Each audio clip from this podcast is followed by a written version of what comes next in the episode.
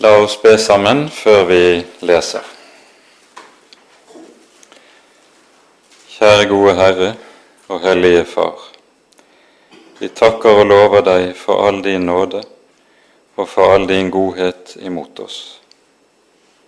Takk, Herre, for ordet som du har gitt oss, at du har lovet å møte oss i og igjennom dine ord, slik at vi, Herre, kan kjenne deg der.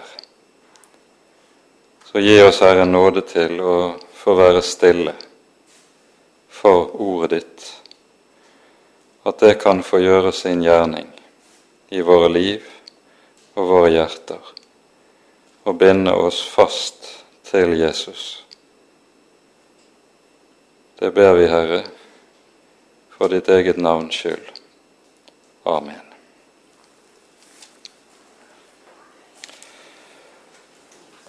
Forrige bibeltime stanset vi opp for eh, det innledende avsnittet i kapittel 1, der Paulus taler om trøsten.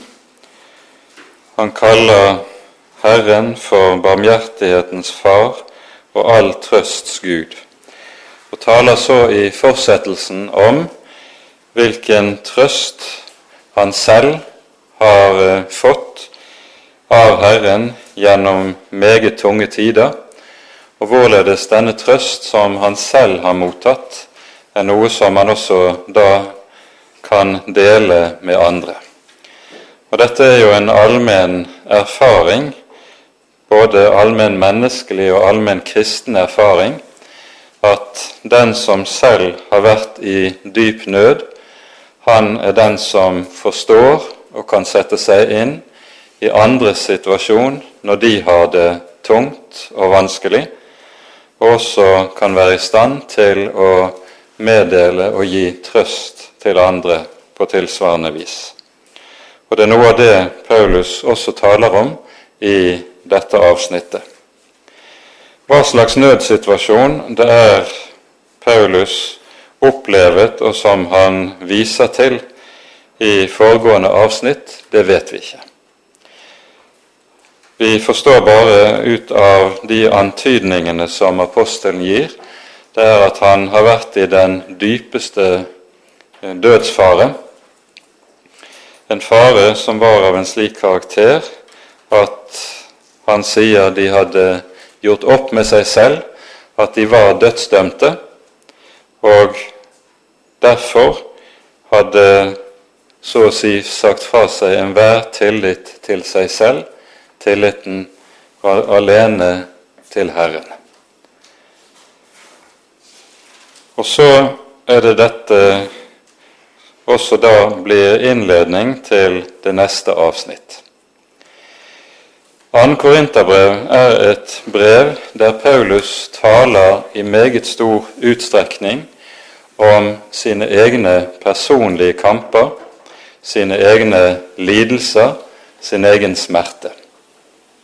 Og dette har som eh, bakteppe de anklager og bakvaskelser som han er gjenstand for, ikke minst i Korintermenigheten. Bakvaskelser som gjør forholdet til menigheten veldig vanskelig, til dels betent, kan vi se i deler av dette brevet. Og allerede nå i avsnittet som begynner med vers 12, er det vi også kan høre han kommer inn på eh, den første anklage som har vært rettet mot ham. Paulus er en som er vankelmodig, som i sitt forehavende snart vakler hit og snart dit, og derfor har han liten troverdighet. Det er beskyldninger som han har vært rammet av. Vi skal etter hvert komme tilbake til mer hva det går i disse tingene, men la oss nå lese avsnittet fra vers 12 og ut kapittelet. For dette er vår ros, vår samvittighets vitnesbyrd om at vi har vandret i verden, og særlig hos dere, i Guds hellighet og renhet, ikke i kjødelig visdom, men i Guds nåde. For i det vi skriver til dere, ligger ikke noe annet enn det dere selv kan lese og forstå. Jeg håper at dere selv skal forstå det fullt ut, slik dere jo for en del har forstått oss, nemlig at vi er deres ros, like som dere er vår ros på Herren Jesu dag. I tillit til dette ønsket jeg å komme til dere først, for at dere kunne få enda en nåde. Fra dere vil jeg reise, vil jeg reise til Makedonia, og derfra komme tilbake til dere igjen, så dere kunne hjelpe meg på veien til Judea. Gikk jeg kanskje lettsindig frem da jeg planla dette, eller legger jeg mine planer på kjødelig vis, slik at det hos meg skulle være både ja, ja og nei, nei? Så sant Gud er trofast. Vårt ord til dere er ikke både ja og nei. For Guds sønn, Kristus Jesus, han som ble forkynt blant dere ved oss, ved meg, Silvanus og Timoteus, han er ikke ja og nei, men ja er det blitt i ham. For så mange som Guds løfter er, i ham har de fått sitt ja. Derfor får de også ved ham sitt amen, Gud til ære ved oss. Men Han som binder oss og dere fast til Kristus, og som har salvet oss, det er Gud. Han har også satt til seil på oss og gitt oss Ånden som pant i våre hjerter. Jeg kaller Gud til vitne for min sjel. Det var for å skåne dere at jeg enda ikke er kommet til Korint. Ikke så at vi er herre over deres tro, men vi er medarbeidere på deres glede, for dere står fast i troen.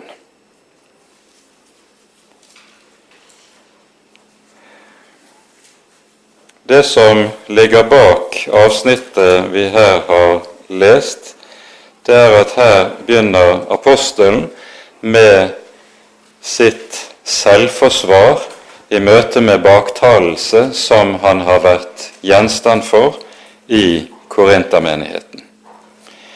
Og vi hører han begynner dette selvforsvaret med ordene i vers 12 For dette er vår ros.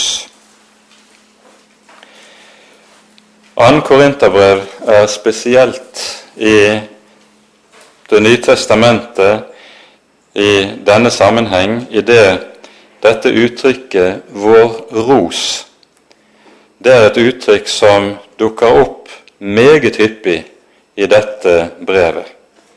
Han taler om den ros han selv eier i Gud, i Kristus. Den ros menigheten skulle eie, står i fare for å forspille, og så er motsetningen til dette faren for å bli til skamme. Begrepet det, ros og det å rose seg som vi her møter, det dukker opp 59 ganger i Det nye testamentet. Og her i 2. Korinterbrev alene finner vi begrepet hele 29 ganger. Så det er altså mer enn halvparten av antall forekomster i Nytestamentet. Det finner vi i dette brevet. Og så taler apostelen med dette, slik som vi allerede ser i vers 12, om forskjellen på det som er den rette kristne ros og det som er falsk ros i kristen sammenheng. Vi skal kort peke på to vers som eh, nettopp rører ved noe av dette.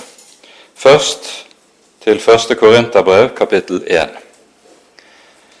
Her møter vi også dette uttrykket.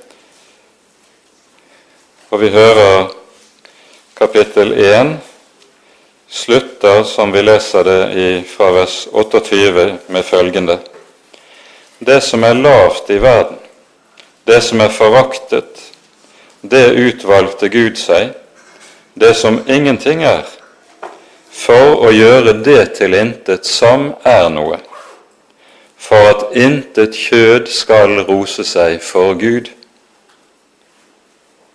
For det er Hans verk at dere er i Kristus Jesus, Han som for oss er blitt visdom fra Gud, rettferdighet, helliggjørelse og forløsning, for at som skrevet står, den som roser seg, han roser seg i Herren. Her hører vi altså hvordan apostelen peker på at Gud utvelger det som er smått i verden, ikke det som er noe. Det som menneske, i menneskers øyne betyr noe, som er stort eller mektig eller lignende, for at intet skal kunne rose seg i seg selv, men rosen skal være i Kristus. Og Det er det som kjennetegner den troende kristne menighet. Det er at de har sin ros, sin ære, sin stolthet i Jesus og hva de eier i Herren Jesus. Forskjellen på sann og falsk ros er viktig. Vi må oss, kan i denne sammenheng også minne om ordene i innledningen til kapittel 3 i Filippabrevet, der Paulus er inne på noe av samme sak.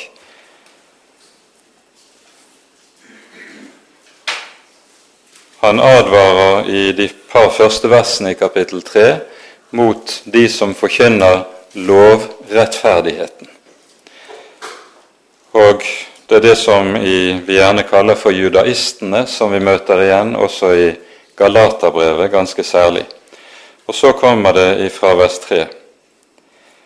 For det er vi som er de omskårne, vi som tjener Gud i Hans ånd, og som roser oss i Kristus Jesus, og ikke setter vår lit til kjød altså til noe de selv kan være eller gjøre eller få til, det være seg av menneskelig framhet, gjerninger eller fortjenester. Den slags er falsk ros. Og så hører vi hvordan apostelen går videre, viser hvordan han nok hadde det han kunne rose seg av på kjødelig vis. Men det er noe som man akter som tap i stedet. Det som var meg en vinning, det har jeg for Kristi skyld aktet for tap, sier han i vers 7. Det å høre Jesus til, det snur ting på hodet. Det snur et menneskes vurderinger og verdier opp ned. Det som en tidligere regnet som viktig og verdifullt, det kommer i en helt annen stilling mens det som verden ser på med forakt, det kommer til å bli det en roser seg av. Kristi kors. Og så går vi tilbake til vers 12 her i kapittel 1 i Korinterbrevet. For dette er vår ros, vår samvittighets vitnesbyrd om at vi har vandret i verden, og særlig hos dere, i Guds hellighet og renhet, og ikke i kjødelig visdom, men i Guds nåde. Ja, roser ikke Paulus seg her av seg selv av noe han selv gjør eller har gjort i menighetene? Vi skal legge merke til hvordan han ordlegger seg. Det er nettopp det han ikke gjør. Det står 'i Guds nåde. Han taler i denne sammenhengen om hvorledes han i sin gjerning og i sin forkynnelse er et redskap for evangeliet, et redskap for nåden. Det er det første vi skal merke oss. Og Derfor sier han at han har vandret i Guds hellighet og renhet, ikke altså i egen hellighet og renhet. De uttrykkene som anvendes her, er ganske viktige å merke seg. Det som er oversatt med 'renhet' her, det er et gresk ord som bokstavelig betyr noe som holder prøve. Når du løfter det opp i lyset og kan se meget tydelig hva det egentlig er. Det er den renhet apostelen taler om her. Han sier med andre ord han har, når han vandret i menigheten, vandret i lyset med hele sitt liv. Guds hellighet Her er eh, tekstoverleveringen noe usikker. Spørsmålet er om det er ordet 'hellighet' eller et ord som bokstavelig oversatt betyr 'enfold', som ligger til grunn i, i den greske grunnteksten. Tekstvitnene er forskjellige, og det er stor usikkerhet på, til dette. Ut fra det som er sammenhengen i verset her, og det apostelen senere understreker i, lenger ute i Korinterbrevet, vil jeg tenke at det naturlige vil være at det er Guds enfold som er den rette gjengivelsen av det som står i grunnteksten. Det ordet som oversettes med enfold en del steder i vår bibel, det er et ord som betyr det at en ikke har et delt sinn. Det betyr det at en ikke opptrer fordekt, med skjulte hensikter, med skjult agenda, som man gjerne sier det i våre dager, med fordekte motiver på en eller annen måte. Enfold betyr rett og slett det at denne tvesinnethet er ikke det som har styrt eh, vandringen i menigheten og i tjenesten. Paulus er ikke styrt av egeninteresse i sin gjerning som apostel. Noe han nettopp altså beskyldes for av disse som baktaler ham i menigheten. Paulus kommer tilbake til akkurat dette lenger ute, f.eks. i kapittel 4. Der sier han om evangelieforkynnelsen følgende i vers 2.: Vi har sagt oss løs fra alle skammelige snikveier, og farer ikke frem med list, heller ikke forfalsker vi Guds ord. Men ved å legge sannheten åpent frem anbefaler vi oss for Guds åsyn til alle menneskers samvittighet. Det disse baktalerne gjør, det er at de angriper Paulus' integritet. Og Tankegangen er hele tiden den at gjennom å ramme Paulus' person, ødelegge tilliten til Paulus' person, så kan de dermed også ødelegge tilliten til det budskap han forkynner. For dette vet vi eh, er ikke en person troverdig, så vil du heller ikke feste mye lit til det han bærer frem, det være seg enten på privat eller på en talerstol. Og Det er dette som disse baktalerne søker å gjøre med Paulus. De søker å ødelegge hans troverdighet de angriper hans integritet.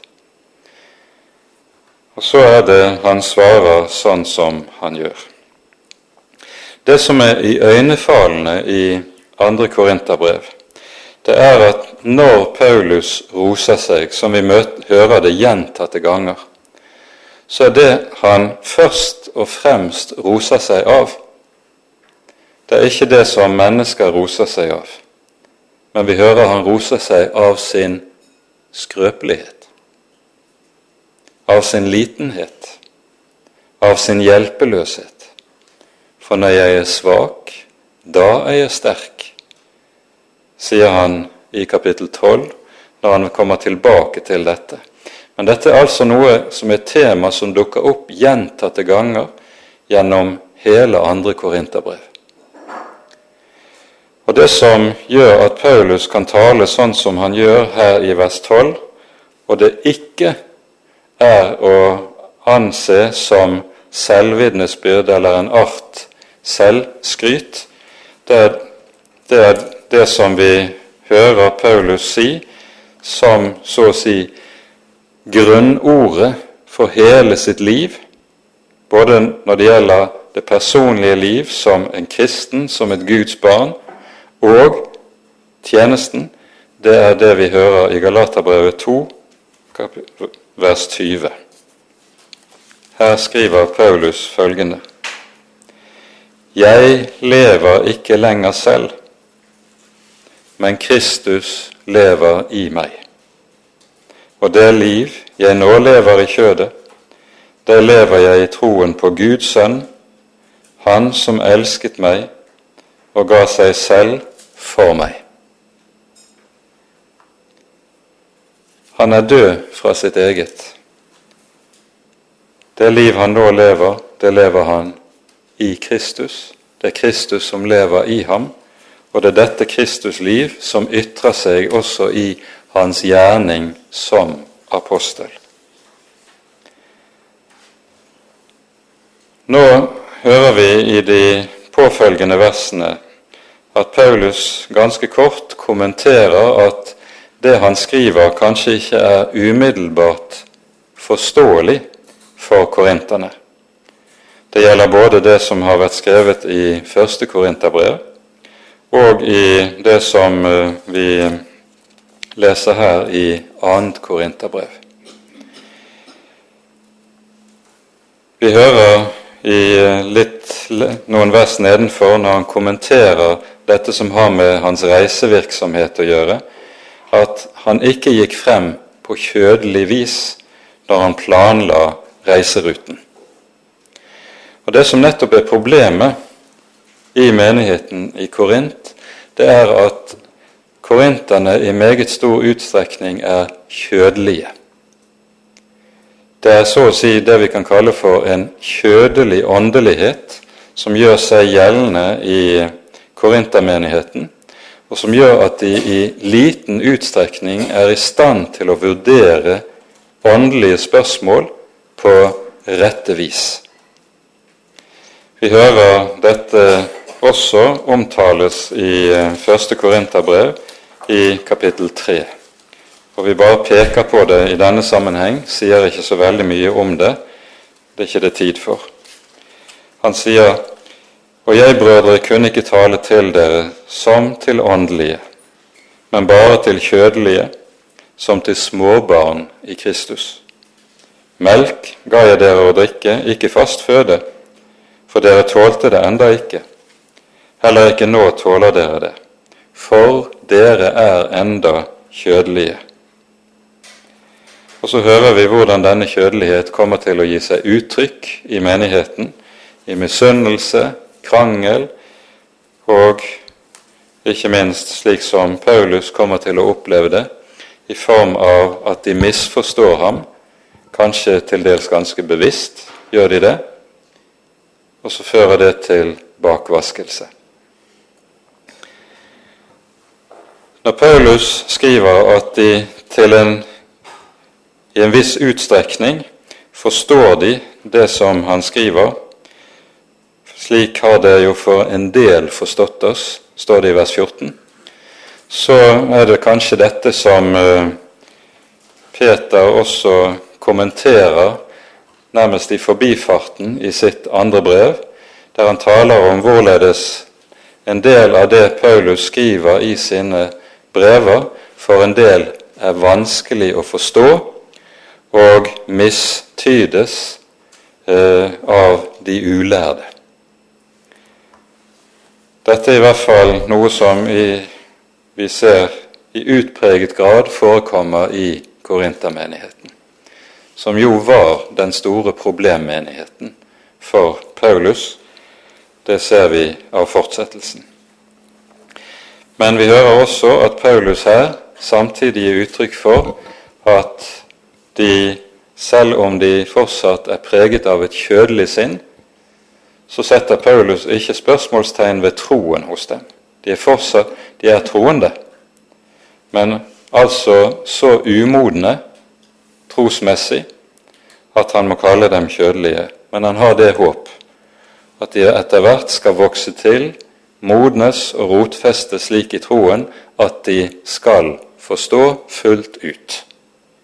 Det er meningen i det vi leser i vers 13 og 14. Og så hører vi hvorledes han i det 14. verset taler om det som vi også var inne på forrige gang. Han sier nemlig at vi er deres ros, like som dere er vår ros på den Herres Jesu Kristi dag.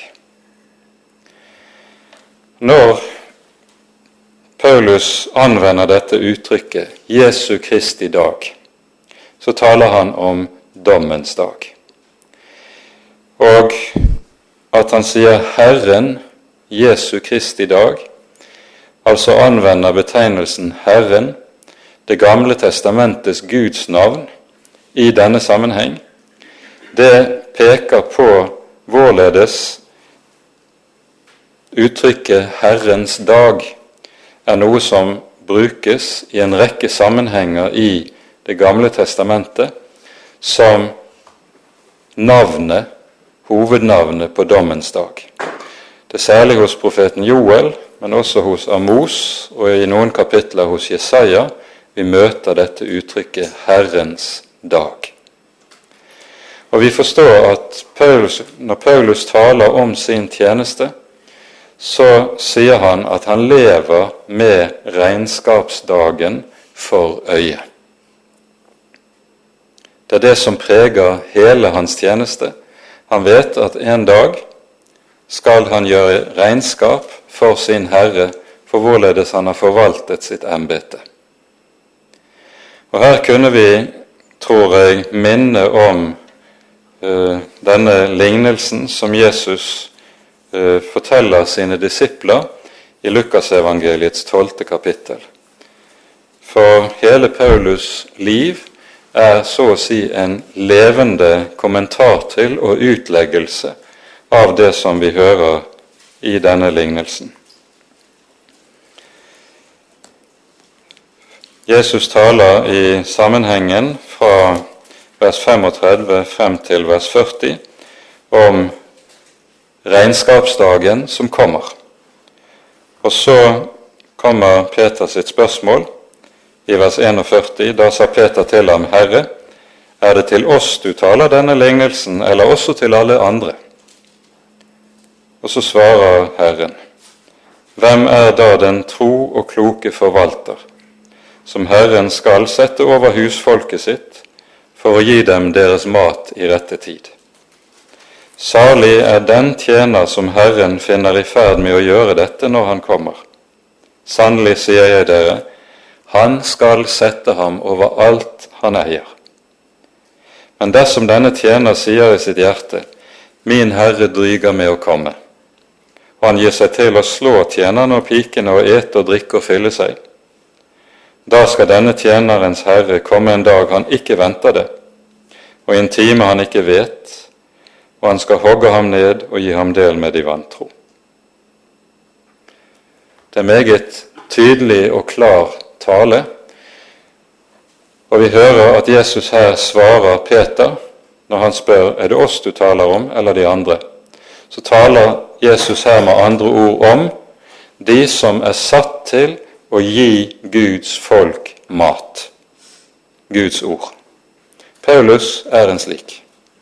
Han er en slik som er satt til å gi husfolket mat i rette tid. Og så tenker han ikke det lenge til Herren kommer, og derfor kan jeg leve som jeg lyster. Nei, han lever nettopp med tanke på Herren kommer tilbake. Derfor kan jeg ikke utnytte min stilling til egen inntekt til beste for meg selv. Herren kommer. Dette er noe som lever og dirrer hos Paulus, og som er helt avgjørende i noe meget av det han skriver. Vi ser dette videre også utover i brevet.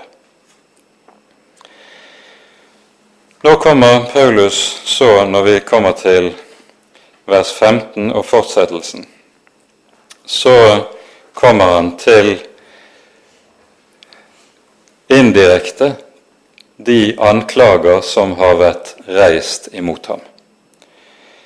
Han har tydeligvis blitt baktalt i menigheten av at han har forandret reiseplaner. Vi hører hva han hadde foresatt seg eh, når det gjaldt reiserute, men han bestemmer da seg for å endre disse planene. Bakgrunnen for det hører vi i kapittel 2. Paulus har nemlig vært i Korint en gang imellom det at første Korinterbrev ble skrevet, og andre brev blir skrevet. Og dette besøket har tydelig voldt ham så stor sorg og så stor hjertenød at det har vært med den dypeste sorg han forlot korinterne. Han har tydeligvis knapt visst sin arme råd hvordan han skulle forholde seg til disse utglidningene som hadde fått rom i menigheten, disse baktalerne som tydeligvis har fått en større gruppe av menigheten på sin side. Hvordan skal han forholde seg til dem? Og så skriver han da at det var for ikke å volde menighetens sorg at han ville drøye med å komme. Han ville tydeligvis da gi dem tid tid til besinnelse. Og så tales det da om et brev han i stedet har skrevet. Vi hører om dette i kapittel 2. Det har vært kalt for tårebrevet, ut fra måten han omtaler dette brevet. Dette er et brev vi ikke finner i Det nye testamentet. Noen mener at tårebrevet er en del av andre korinterbrev, og så å si er blitt innarbeidet i andre korinterbrev. Det er umulig egentlig å vite.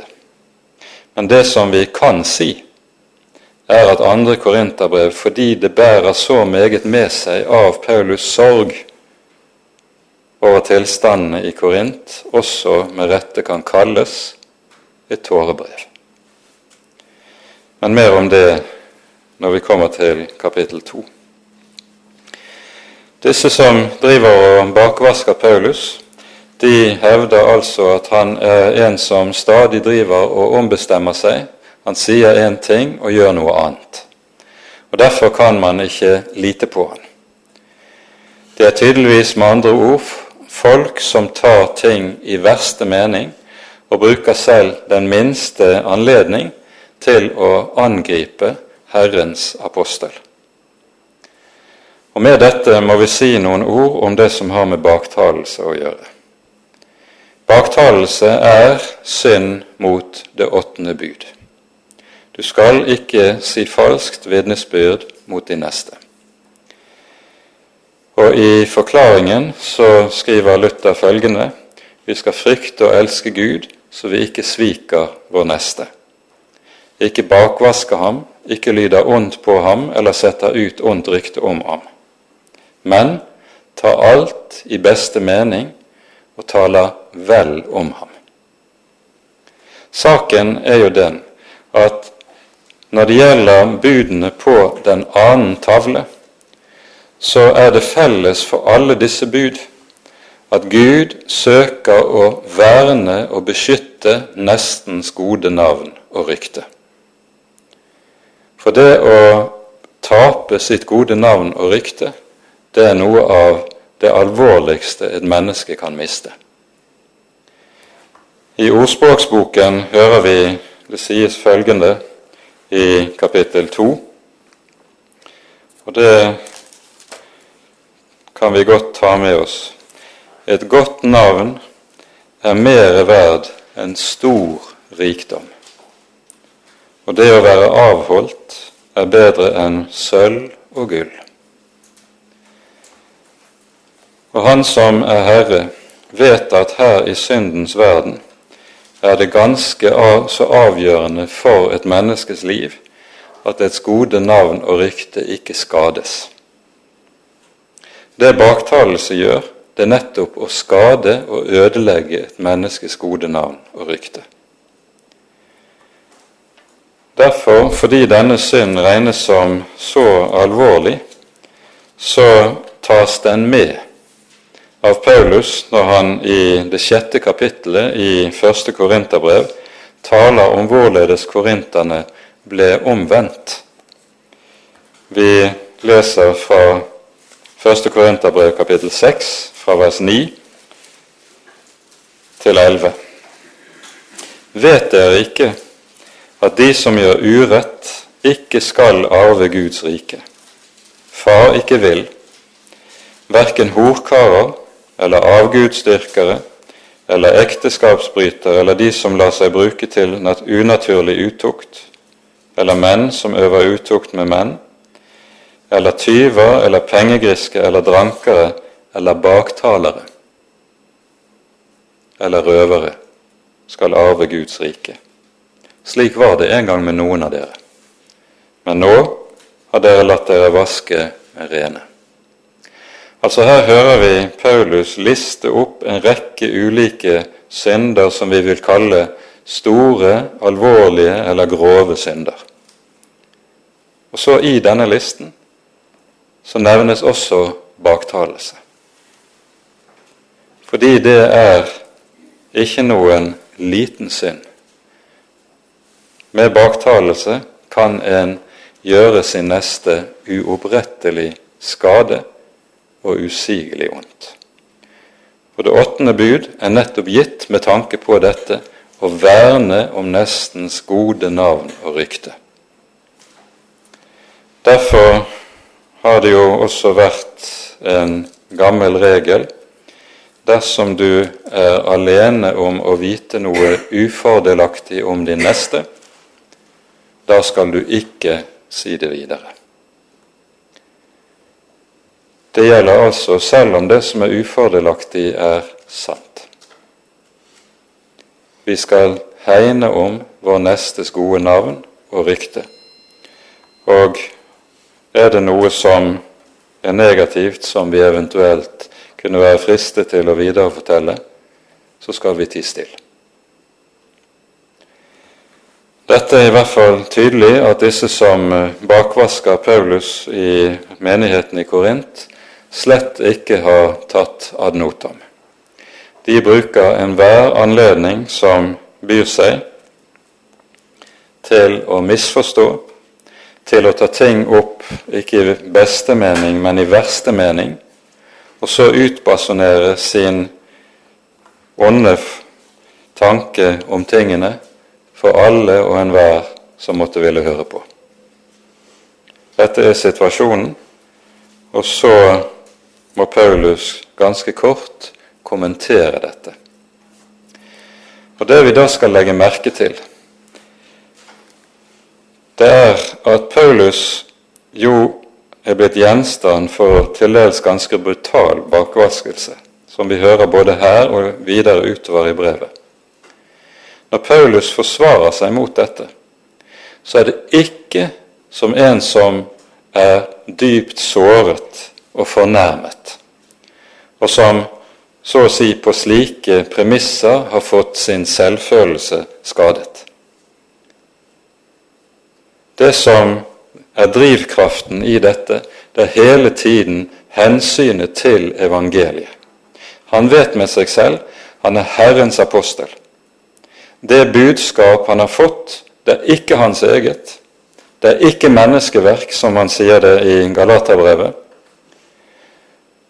Og ødelegger man tilliten til apostelembetet, så ødelegges tilliten til selve evangeliet. Det er evangeliet det dreier seg om. Paulus bryr seg i liten grad unnskyld, om å forsvare seg selv og egen ære. Han opptrer ikke som såret og krenket og fornærmet.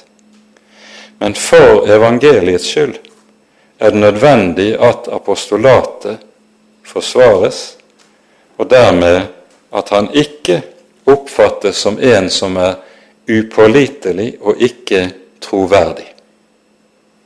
Og det er dette som styrer det han skriver i fortsettelsen. Vi hører altså om bestemte reiseplaner som han har endret på, og hvorfor. Det sies i enden av kapittelet. Det var for å spare dere. Og Derfor er det han forsvarer seg på en måte som for oss fortoner seg underlig. Han er beskyldt for å gå lettsindig frem. Han er beskyldt for å gå frem på kjødelig vis, som vi hører det sies i vers 17. Og hva svarer han til dette? Så sant Gud er trofast. For Guds sønn Kristus Jesus som ble forkynt iblant dere, i ham er ikke ja, ja og nei, nei, men ja er det blitt i ham. Han viser til altså Herren selv, hans trofasthet, hans troverdighet, og med det evangeliets troverdighet i dette. Og så sier han dermed så å si at han er ett med det evangelium han forkynner. Det å baktale ham, det er ensbetydende med å baktale selve evangeliet. Det er det som er Paulus' tankegang i det vi her hører.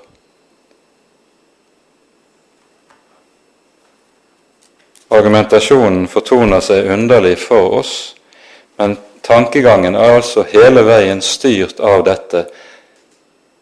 Han er apostel. Han er ikke verken i Korint eller ellers på sine reiser ute i eget ærend på egne vegne. Det er evangeliet det står om. Gud er trofast, evangeliet er troverdig. Og så er det altså vi hører at nettopp dette som for oss kan synes som litt underlig argumentasjon, fører rett inn i noe av det sentrale i evangeliet. Det vi ser ofte i Paulus' måte å skrive på, det er at noe som kan synes som en ubetydelig detalj, hverdagslig kanskje, og lite åndelig, det brukes som tilknytningspunkt inn imot noe som er helt sentralt i evangeliet. Og det er det Paulus også gjør her. Så mange som Guds løfter er, i ham har de fått sitt ja. Derfor får de også ved ham sitt amen, Gud til ære ved oss. Med dette så peker apostelen på at evangeliet er i seg selv en stadfestelse av Guds egen trofasthet. For hva er evangeliet i denne sammenheng? Jesus kom jo nettopp for å oppfylle løftene i den gamle pakts tid.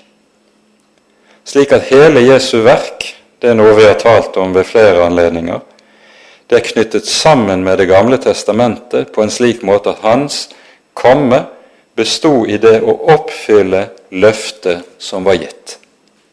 Og Derfor ordlegger apostelen seg sånn som vi hører det. Så mange som Guds løfter er, i ham har de fått sitt ja. I ham er det stadfestet.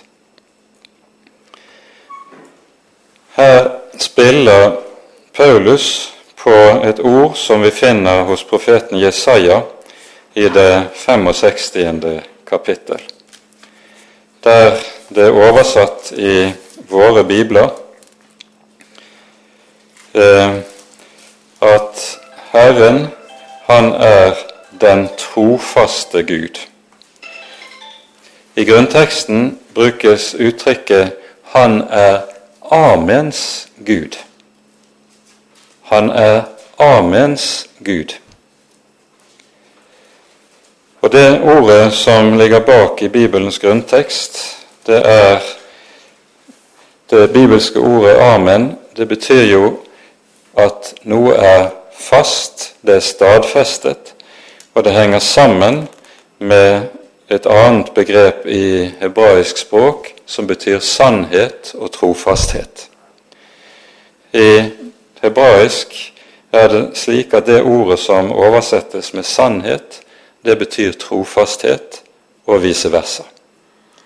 Det er viktig å være oppmerksom på, fordi det at Gud er trofast, det viser seg i at han, hans løfter, de er sannferdige.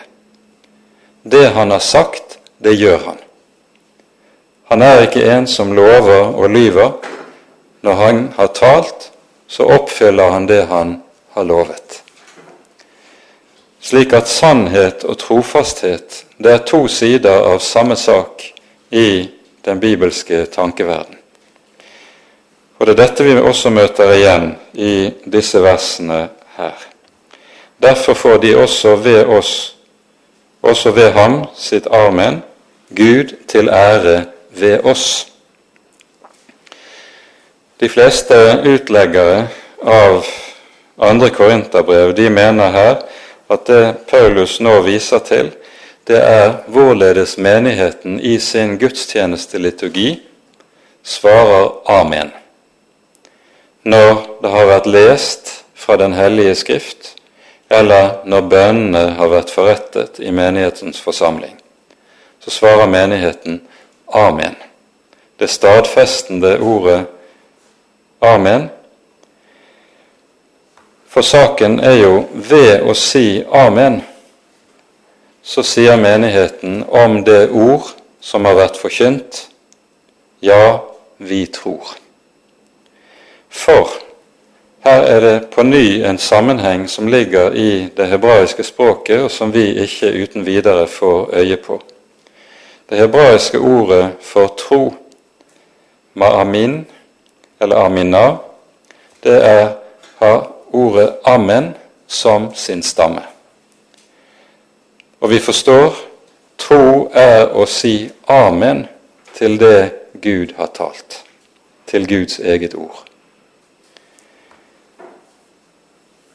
Og Dermed så ser vi hvordan apostelen anvender det hebraiske språket inn i måten sin å tale her i vers 20.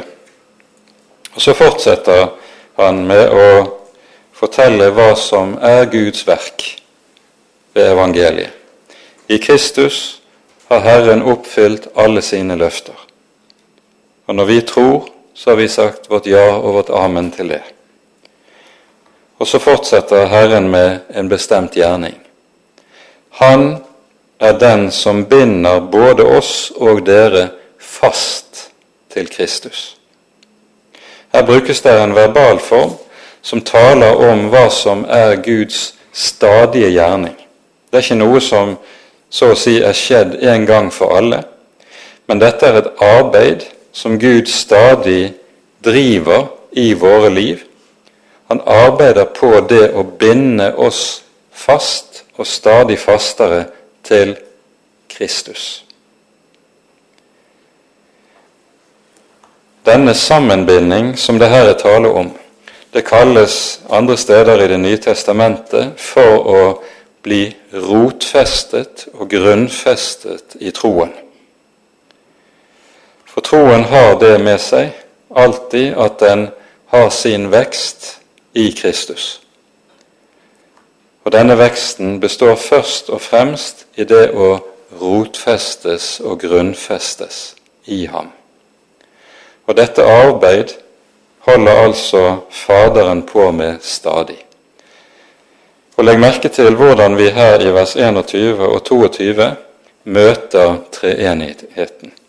Faderen arbeider, og hva gjør han med sitt arbeid? Han binder oss fast til Kristus. Og hvorledes utfører han dette sitt arbeid? Gjennom å sende Den hellige ånd, og at Den hellige ånd utfører sin gjerning i våre liv. Du møter alle de tre personene i treenigheten i disse to versene. Og så sies det han er den som har salvet oss. Og ordet salving det anvendes her, som vi ser det ellers i Det nye testamentet, som en betegnelse på hvordan vi i evangeliet mottar Den hellige ånd. Og så fortsetter det Han har også satt sitt seil på oss. Og Her anvendes det nå to uttrykk om hva Den hellige ånd, det å få Den hellige ånd ved troen på evangeliet, hva det innebærer. Det innebærer for det første at Gud setter sitt seil på sine barn, sine troende. I oldtiden så betydde det at noe ble beseglet. Det betydde at det ble merket som en persons ene eiendom.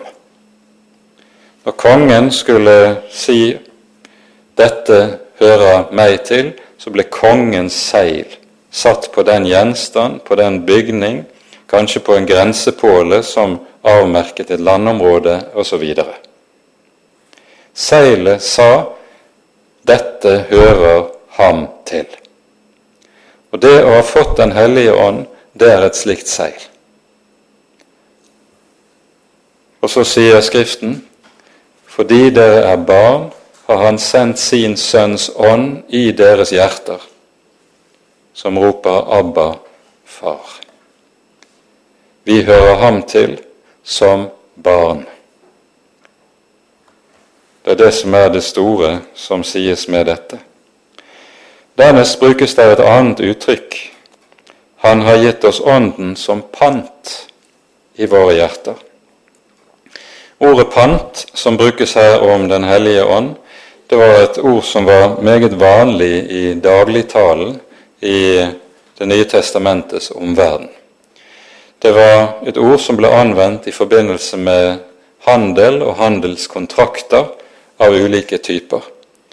Hvis to parter ble enige om en handel, så kunne eh, den som solgte noe, levere en håndpenge på forhånd som en garanti på at hele eh, gjenstanden, eller hva det nå var man hadde kjøpt, ville komme når tiden var der, når avtalt tid eh, kom.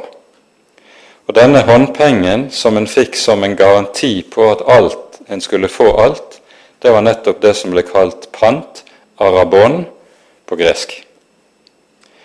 Og det at Den hellige ånd slik kalles for et pant, det betyr at Gud, når Gud gir sine troende Den hellige ånd, så er dette et pant på det at vi skal få hele arven i det fullkomne Guds rike som er på vei. Ånden gir oss så å si en sikkerhet på dette.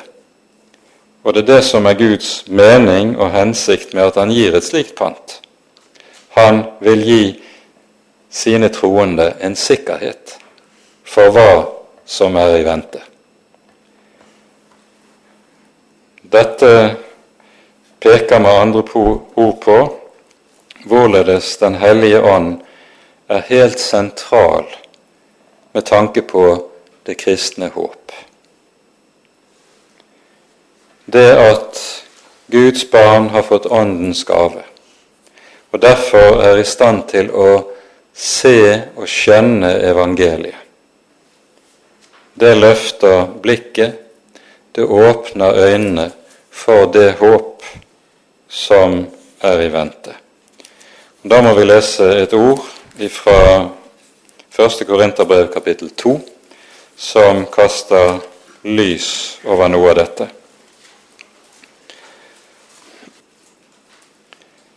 I 12 i 1. Korinterbrev 2 står det følgende.: Vi har ikke fått verdens ånd, men den ånd som er fra Gud, for at vi skal kjenne det som Gud i sin nåde har gitt oss. Evangeliet er jo nemlig av en slik karakter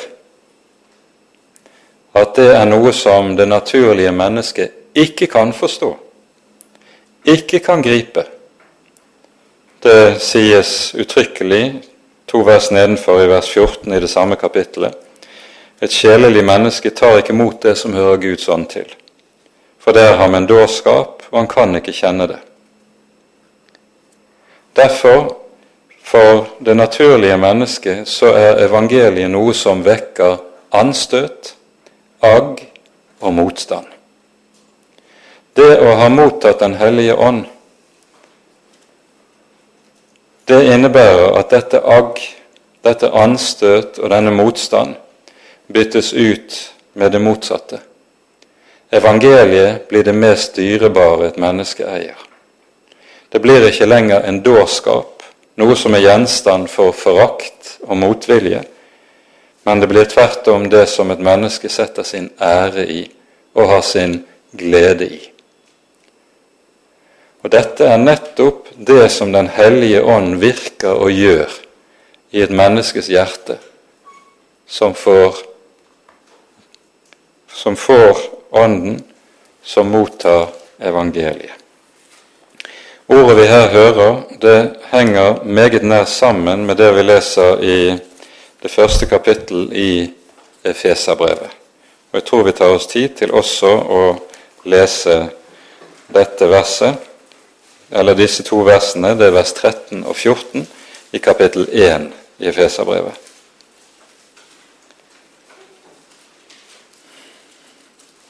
I ham har også dere, da dere fikk høre sannhetens ord, evangeliet om deres frelse. Ja, i ham har også dere, da dere kom til tro, fått til innseil Den hellige ånd som var lovt. Han som er pantet på vår arv inntil eiendomsfolkets forløsning, til pris for Guds herlighet. Og legg merke til hvordan det å motta Ånden er knyttet uløselig sammen med forkynnelsen av evangeliet. Og Da må vi minne om Paulus' ord i Galaterbrevets tredje kapittel, der han stiller galaterne som var kommet inn under loven, følgende spørsmål. Bare dette vil jeg få vite av dere. Var det, var det ved lovgjerninger dere fikk Ånden? Eller var det ved troens hørelse? Og så vet de svaret. Det er ved å høre evangeliet forkynt at Ånden kommer. Ikke gjennom at et menneske gjør lovgjerninger, strever med seg selv, arbeider på sitt eget hjerte for å bli mottagelig, for å bli from eller noe som helst annet. Evangeliet, ordet om korset, er det som bringer Ånden med seg. Ved hørelsen kommer Ånden til oss. Og så er det altså dette som apostelen taler om i disse sammenhengene som vi er inne i. Og når Ånden tar plass i hjertet, så fører det med seg det som vi leser i avslutningen av Galaterbrevet, kapittel 6, vers 14. Det være langt fra meg å rose meg uten av vår Herres Jesu Kristi kors. For ved det er verden blitt korsfestet for meg, og jeg for verden. Et uhyre sentralt vers i Paulus eget liv. Og Med det setter vi punktum for kveldens bibeltime. Ære være Faderen og Sønnen og Den hellige ånd, som var og er og være skal, en sann Gud, høylovet i evighet. Amen.